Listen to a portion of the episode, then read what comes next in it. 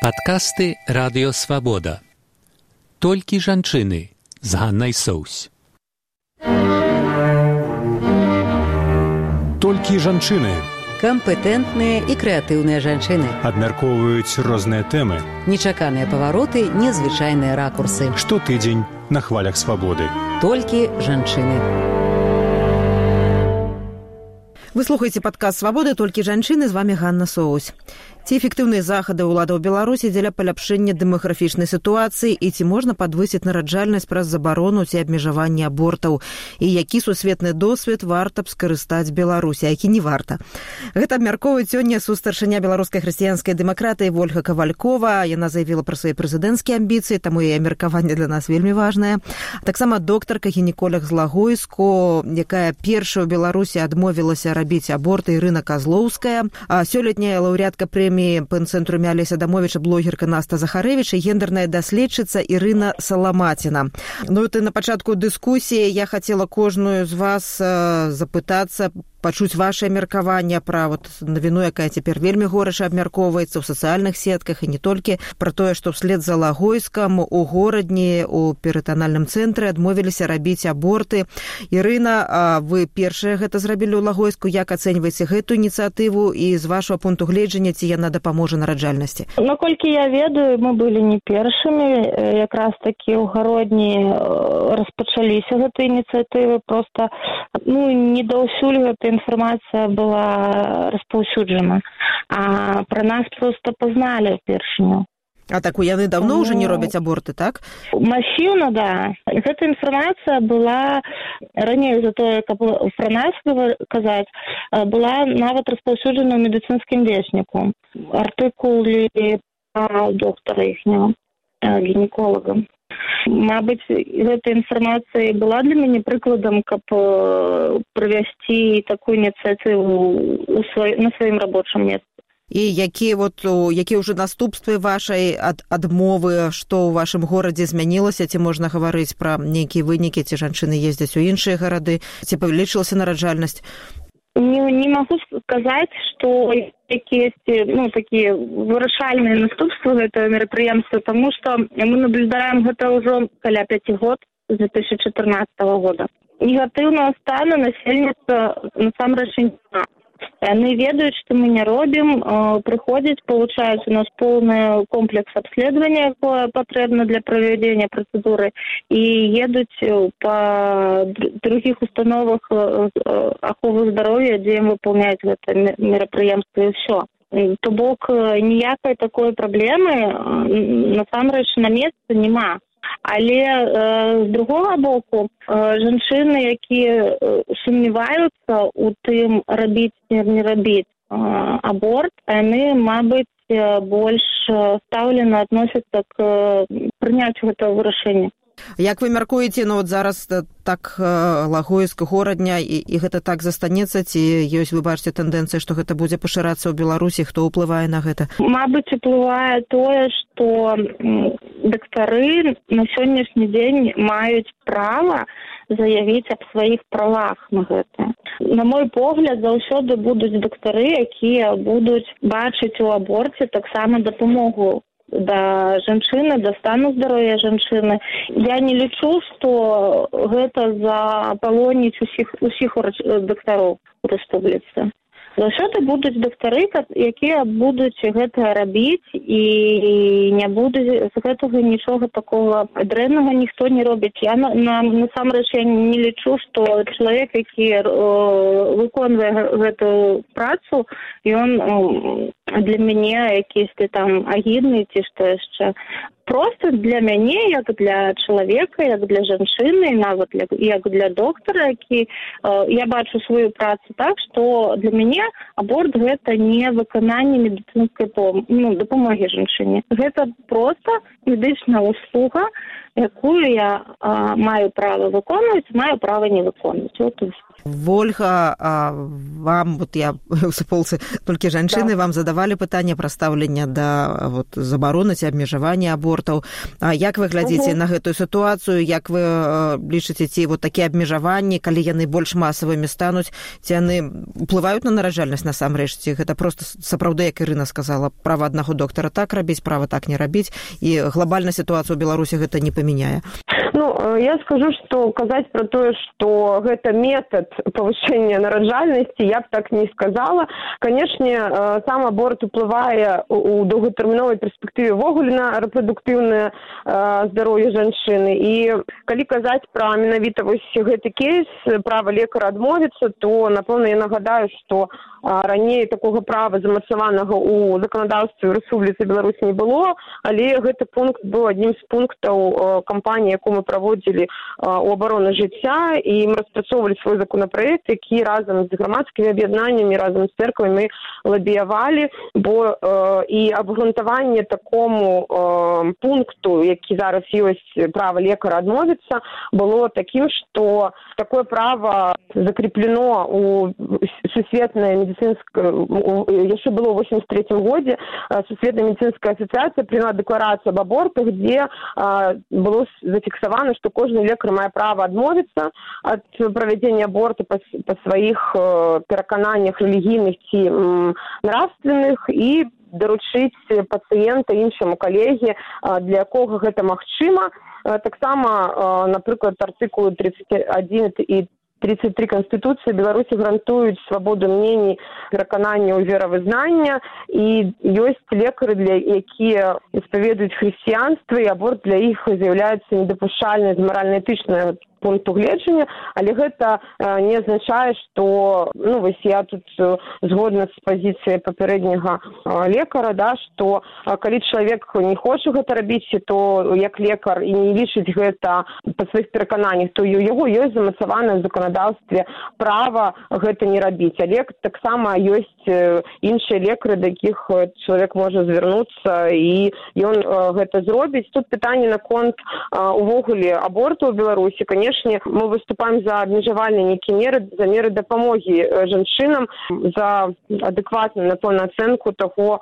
грамадству якім сёння мы мы ёсць існуем і просто пытанне ў тым что напрыклад я выступаю за тое каб змяняць думку і ўвогуле стаўленне да аборта як да нармальнай з'явы сні публічных дыскусіях бо калі мы змяняем выстаўленне менавіта да аборта як нармальнай з'явы то можа быть і жанчыны таксама думаюць як об аборце як аб нейкія крайнія меры як да якой яна можа прыбегнуць у сваім жыцці у заканадаўстве ўжо ёсць. То чаго мы дамагліся в прынцыпе гэта тое што ёсць. Гэта права лекара адмовіць ужо ёсць у заканадаўстве чаго раней не было там пять гадоў таму.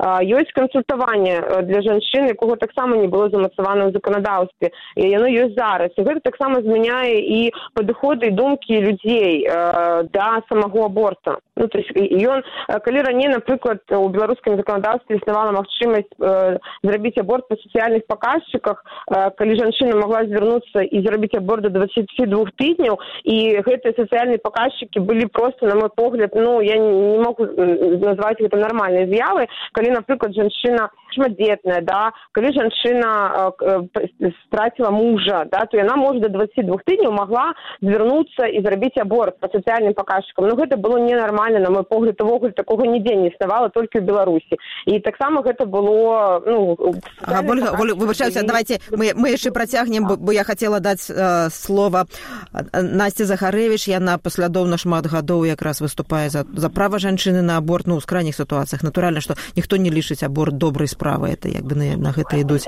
у крытычных сітуацыях наста якая ваша пазіцыя ну я бачу што э, адбываецца все тое пра што мы казалі ў чатырнацатым годзе што гэта гэтае права дактароў адмаўляцца рабіць аборты будзе прывозіць да таго што будуць з'яўляцца клінікі без аборта будуць з'яўляцца гарады без абортаў і трэба крышашку больш называць рэчы самі імёнамі і узгадваць што ў законе не прапісана па якіх прычынах дактары могуць адмаўляцца гэта рабіць дзяржава дае зялёнае святло на рэпрадуктыўны ціск безумоўна але заадно ў гінеколагаў проста з'явілася шарговая лазейка спрасціць сабе працоўнае жыццё гарадзенскія медыкі сказалі што яны не атрымлівалі аніякіх даплат за перарыванне цяжарнасці. Так што калі яны адмовіліся гэта рабіць ну як бы у іх паменшылася паменшыўся аб'ём працы пры гэтым не паменшыўся заробак. Я цудоўна разумею чаму яны гэта робяць. Ну шмат каму хочацца рабіць менш справаў за тыя ж самыя грошы гэта вельмі зразумела.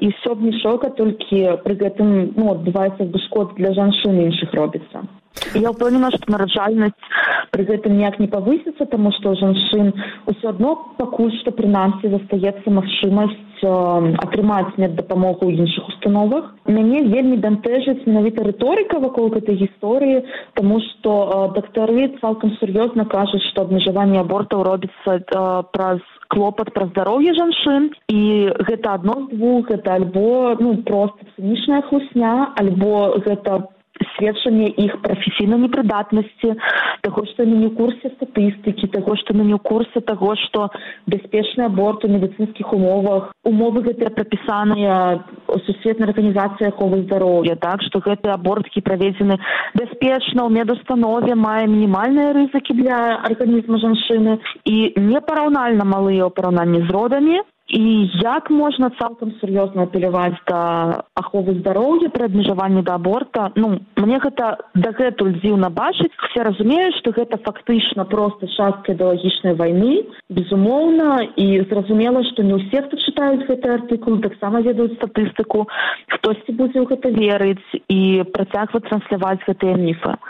Ну і безумоўна ўсё гэта магчыма проста таму што дзяржаву ну, задавальняе аргумент пра дэмаграфію. То бок дастаткова сказаць што вось мы удзельнічаем у такой акцыі мы тут адмаўляемся ад часткі сваіх абавязкаў просто таму што мы хвалюемся пра дэмаграфію і ну гэта спрацоўвае але на жаль у выніку атрымліваецца на жанчын дзяржаве напляваць таму што есть зацікаўленасць у тым каб вырашыць колькасную дэмаграфічную праблему Ірына як якая ваша пазіцыя калі ласка? Ага. ну знаете опять же если ж мы тут ссылаемся на некие международные документы то опять же запрет на аборт это грубое нарушение прав женщин это не мое то высказывание это высказывание экспертов оон и в общем то которые обращаются как раз таки государствам где существует реальный запрет. В Беларуси пока еще идеального запрета не существует. И тем не менее, понимаете, давайте все-таки не путать. Одно дело, все-таки мы говорим о праве медиков там отказаться выполнять что-то, и в целом непосредственно о неких установках о доступности к определенной услуге. И почему, собственно говоря, эксперты ООН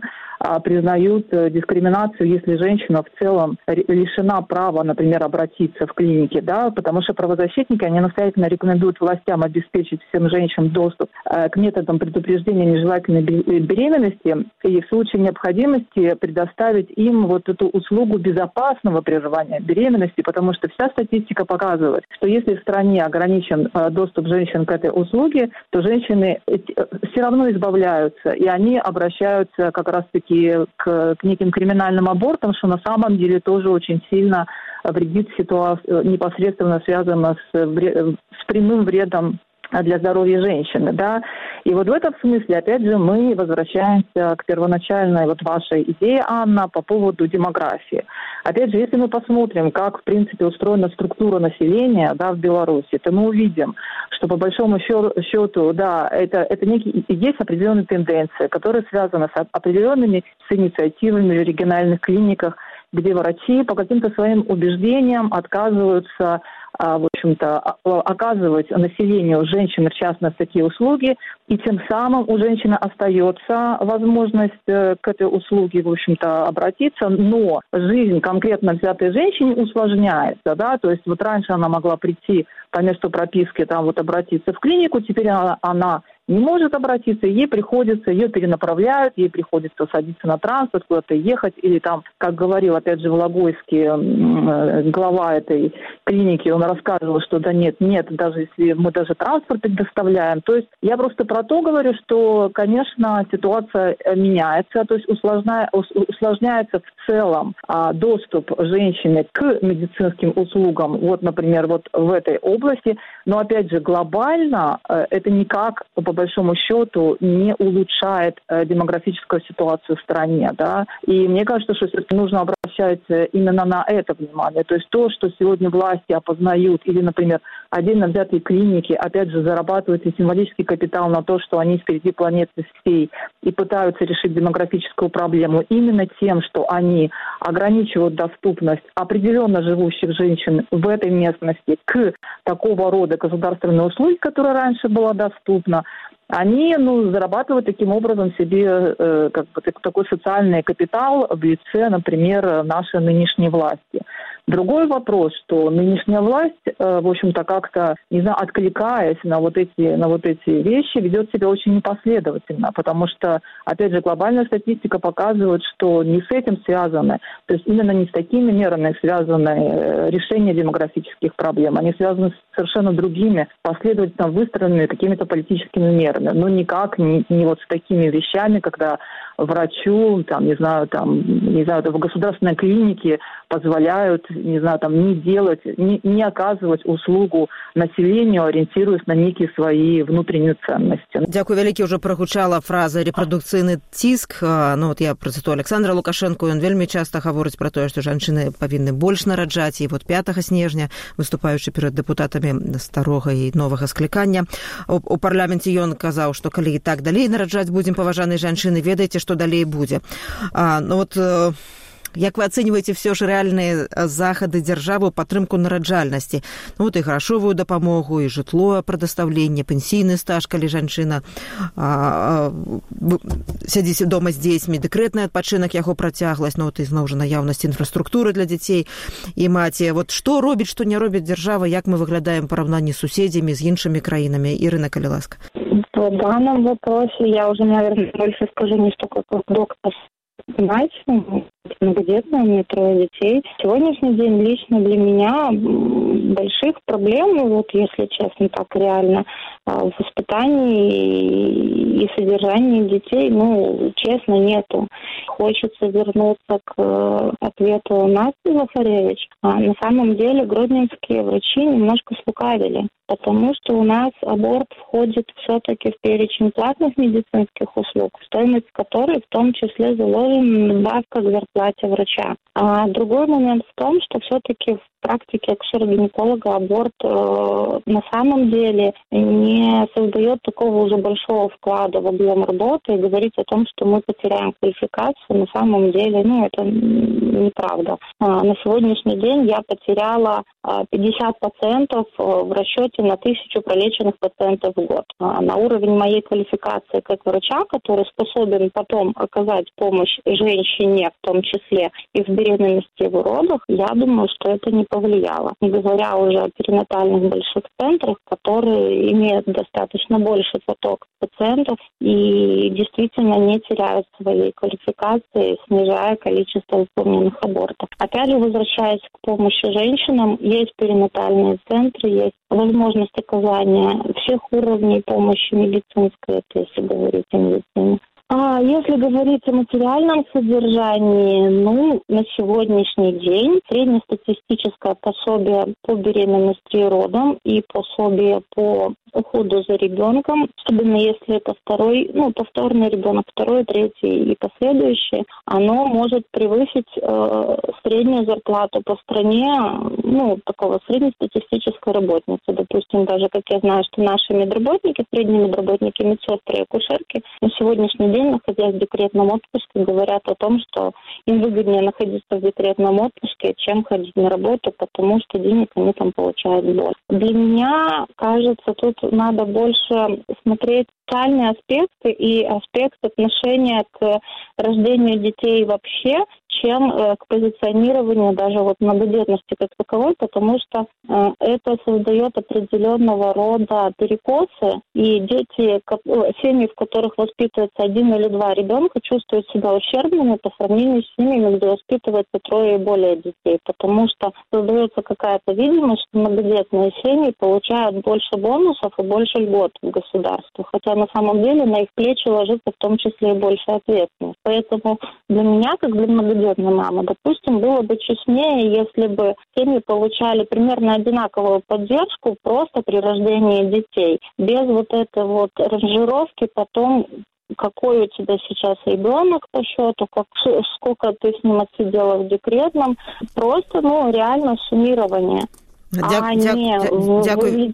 Дзякуй вялікі ольга як, як вы ацэньваеце вот захады дзяржавы цяперашняй чтоб вы бачылі як аптымальна было б зрабіць ну напэўна может быть еще одну фразу прокомментую то что э, александр лукашенко кажа про то что там беларусы беларускі павінны больш наражаць ніхто не павінен тым больш кіраўнік дзяржавы не, не павінен э, камандаваць что рабіць улада павінна ствараць умовы для того каб жанчына э, і сям'я хотела э, нарадзіць дзіцёнка і былі ўмовы для яго выхавання у мне шмат сябровак і моя сестра таксама шматдетная. Трэба сказаць что конечно я палажуся зрына что я б не рабіла такой градацыі что вы скажи шматдетная сям'я ці там трое четверо пятеро дзяцей вось вам столькі дапамогі каля адзін дзіцёнак ці два дзіцёнка вось вам там на шмат менш мне падаецца што дзяржава на сённяшні момант у беларусі калі казаць што ёсць і э, дапамога па нараджэнні дзіцяці ёсць і дэкрэтны адпачынак тры гады в прынцыпе досыць длінны ў параўнанні з там еўрапейскімі краінамі. А наконт э, інфраструктуры трэба сказаць што напэўна на ёсць але не заўжды яна дасяжная па коштах для сем'і якія якія маюць дзяцей бо там схадзіць у кіно ці э, там у іншую нейкую установу каштуе для сям'і досыць дорага ў параўнанні з тым з тым колькі зарабляе сям'я эканамічная сітуацыя і эканамічны крызіс у беларусі гэта праблема для ўсіх беларусаў у тым ліку і пры жаданні мець дзяцей бо людзі думаюць якая перспектыва якія магчымасці для іх дзяцей колькі яны могуць зарабіць і тут жанчыны якія маюць дзяцей сапраўды сутыкаюцца і не адзін раз мне там маі сяброўкі казалі аб тым што уладкавацца на працу заўжды гэта пытанне у тебе есть дзіцёнак да? Калі трое дзяцей вось моя сястра не могла могла год напэўна луткавацца на працу бо ці графік не падыходзіў ці просто не хацелі браць бо ведалі што ёсць дзеці так, так, так, так. дзякую я вот у падтрымку ваших словаў якраз прывяду. Я рабіла цыкл матэрыялаў пра ахвяраў хатнюю гвалту якія жылі ў прытулку радзіслава. І збольшага жанчыны калі прыходзілі іх самая галоўная праблема была. Яны былі з дзецьмі. Яны не за свой заробак яны не маглі зняць кватэру і не маглі сысці ад агрэсара з якім вымушаны былі жыць у адной кватэры як бы ну это пра пра станы пра свабоду жанчыны як якой сітуацыі калі крытычная аказваецца што яна просто ну ёй няма куды ісці ні і, і, няма за што жыць. А, калі гаварыць пра агульную сярэднюю заробак у беларусі наста я, я, якая ваша пазіцыя? Так я акурат хацела б гэта дадаць што статыстычна у беларусі найкарацейшы шлях да галешы гэта быць жанчынай нарадзіць дзіця то бок статыстычна гэтая сацыяльная група у нас самая бедная ў краіне і тое што вось ірына казала пра тое што часам тыя грошы якія дзяржава дае маці з дзіцём яны большыя за заробкі гэтых жанчын гэта праўда і гэта толькі падсвечвае праблему вельмі нізкіх заробкаў крытычна нізкіх заробкаў. Таму што ну гэта ненармальна калі жанчына працуе поўны працоўны дзень мае кваліфікацыю кваліфікацыю. І пры гэтым ну яе заробку як бы недастаткова на тое каб закрыць нейкія базавыя патрэбы сямейныя. І я ўвесь час бачу як у розных э, суполках у сацыяльных сетках жанчыны просяць дапамогі абменьваюцца рэчамі робяць гэта не таму што ў іх там не ведаю высокая экалагічная свядомасць. Не таму што ну гэта адзіны шанец выжыць апрануць сваіх дзяцей і так далей. Да дзяржавы мне у прынцыпе асноўная прэтэнзія гэта непаслядоўнасць таму што вельмі шмат заяўляецца. Ёсць вельмі шмат заяваў пра то якая мы сацыяльна арыентаваная дзяржава як мы дапамагаем сем'ям і так далей. Але фактычна ўзровень дапамогі нашмат ніжэйшы чым ён заяўлены і зноў і зноў мы ўтыкаемся ў тое што дзяржава ставіць перад сабой колькасныя мэты. То бок першае пытанне для яе гэта павысіць нараджальнасць. А тое у якіх умовах уже будуць жыць гэтыя дзеці дзяржаву не вельмі клапоціць.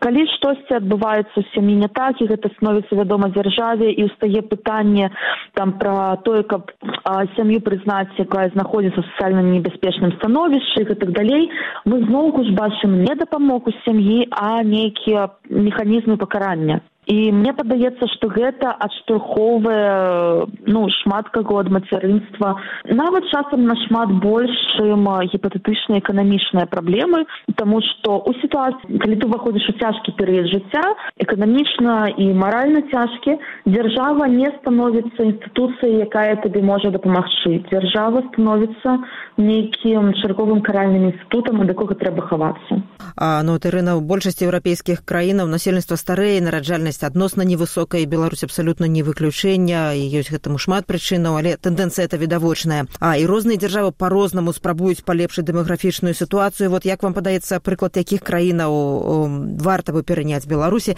а на які досвед не варта опираться ирина соломатин беларусь все таки действительно имеет какие то свои уникальные особенности. Опять же вот например очень любят приводить пример швеции ну и потому что в принципе швеция социально ориентированное государство и многие не знаю там экспертки и эксперты консультируют наше правительство. И они вообще никак не понимают, почему Беларусь постоянно говорит о том, что она вот социально ориентированное государство, что называется, вот, на стороне людей. Однако вот что-то в Беларуси, в отличие от Швеции, что-то работает не так. И что работает не так, вот мы, в принципе, только что, э, только что проговорили. И опять же, я тоже вернусь к вот этому, к этому примеру, когда женщины уходят э, в, в долгосрочный декретный отпуск и говорят о том, что они, в общем-то, получают получают э, выплаты от государства, которые в общем-то, даже больше, что, чем их зарплаты. То есть о чем это говорит? Это, в принципе, говорит об отложенной бедности, потому что есть ограничения на получение, в общем-то, этой государственной помощи. И если вот, опять же, последняя норма, что если сейчас женщина будет, например, три года подряд уходить в декретный, то понятно, что через шесть лет или там через девять лет она будет совершенно вымыта из рынка, из рынка труда. Она не сможет найти себе работу. Об этом мало, в принципе, говорят. Вот это и показывает, что государство ведет такую очень странную и непоследовательную политику по отношению к семьям и, и в целом гендерному равенству, потому что, опять же, а, почему я говорю про гендерное равенство, потому что в Швеции как раз-таки все присматривается за участие мужчин, например, а, в уходе за, за ребенком. У нас всего один процент мужчин берет э, декретный отпуск. И опять же, вот в чем еще не выражается эта непосредственность, знаете, э, несмотря на то, что вот сценарии, а, они меняются, например, у нас сейчас много незарегистрированного партнерства, да, или там есть у нас матери, которые в одиночку воспитывают детей без мужчин. Однако в целом государственная политика, она приоритизирует и поддерживают полную и многодетные семьи. И тут действительно уже несколько раз говорилось о том, что в принципе, если государство хочет решить демографические проблемы, нельзя приоритизировать кого-то, да, то есть нужны какие-то условия, надо в целом смотреть, что меняется, какие сценарии меняются а, в жизни отдельно взятых людей, да, а, а не всех грести под одну э, дудку, ну, как бы под одну какую-то линейку. Еще такой, значит, момент, который я хочу тоже добавить, что, знаете, у нас сейчас периодически чиновники говорят, что пособия пособиями, но перед тем, как ты вот как бы семья рожает, нужно подумать и о уровне доходов этой семьи. Но так мне все-таки кажется, что это не только семья должна думать, потому что вот опять же, э, вот этот пример, который был озвучен, да, когда женщина уходит в регион, оплаты в регионе и зарплаты в Минске, они несопоставимы, потому что в Минске люди получают на 60%, это большие социологические исследования, говорят, что зарплаты в Минске в регионах, они значительно отличаются. Статистика показывает, что женщины, живущие в больших например, в Минске, они уже не откликаются на эти запросы, э, запросы государства, а давайте вы, вы тут будете спасать демографическую проблему. А кто откликается, это как, как раз-таки откликаются женщины из регионов. Вельми короткое пытание хотела а, Ирыне при конце задать. Вот я поглядела статистику, что за годы незалежности колькость абортов в Беларуси зменшилась амаль у 10 разов. Вы шмат годов працуете. Вот какое ваше назирание? Да, такая тенденция имеет место быть. И, наверное, все-таки тут вопрос в том, что а, постепенно в обществе а, нарастает значимость ценности жизни как таковой. Не только там, жизни нерожденного ребенка, а вообще жизни. То есть у нас улучшается отношение, в том числе, наверное, и к пожилым, и к детям вообще, и ставление к воспитанию детей. И если раньше я видела достаточно часто ситуацию, когда мама или бабушка приводила там дочку, внучку со словами «я не хочу ломать ей жизнь, пусть делает аборт», ничего страшного, я там столько-то там сделала и выжила же как-то детей потом рожала. Ну, на сегодняшний день все-таки отношение к молодежи, отношение к нашим детям э, формируется в контексте профилактики нежелательной беременности и определенному все-таки более ценностному отношению к себе. А блогерка Наста Захаревич, гендерная доследчица Ирина Соломатина, докторка Ирина Козлоўская и состаршыня БХД Вольга Кавалькова брали удзел у перадачы толькі жанчыны. Дзякуй вялікі вам за ўдзел у дыскусіі.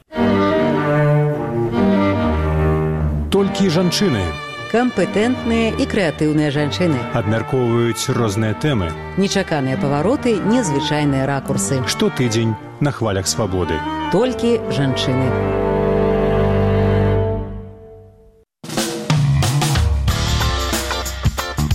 Выслухалі падкаст радыёвабода наступны выпуск праз тыдзень.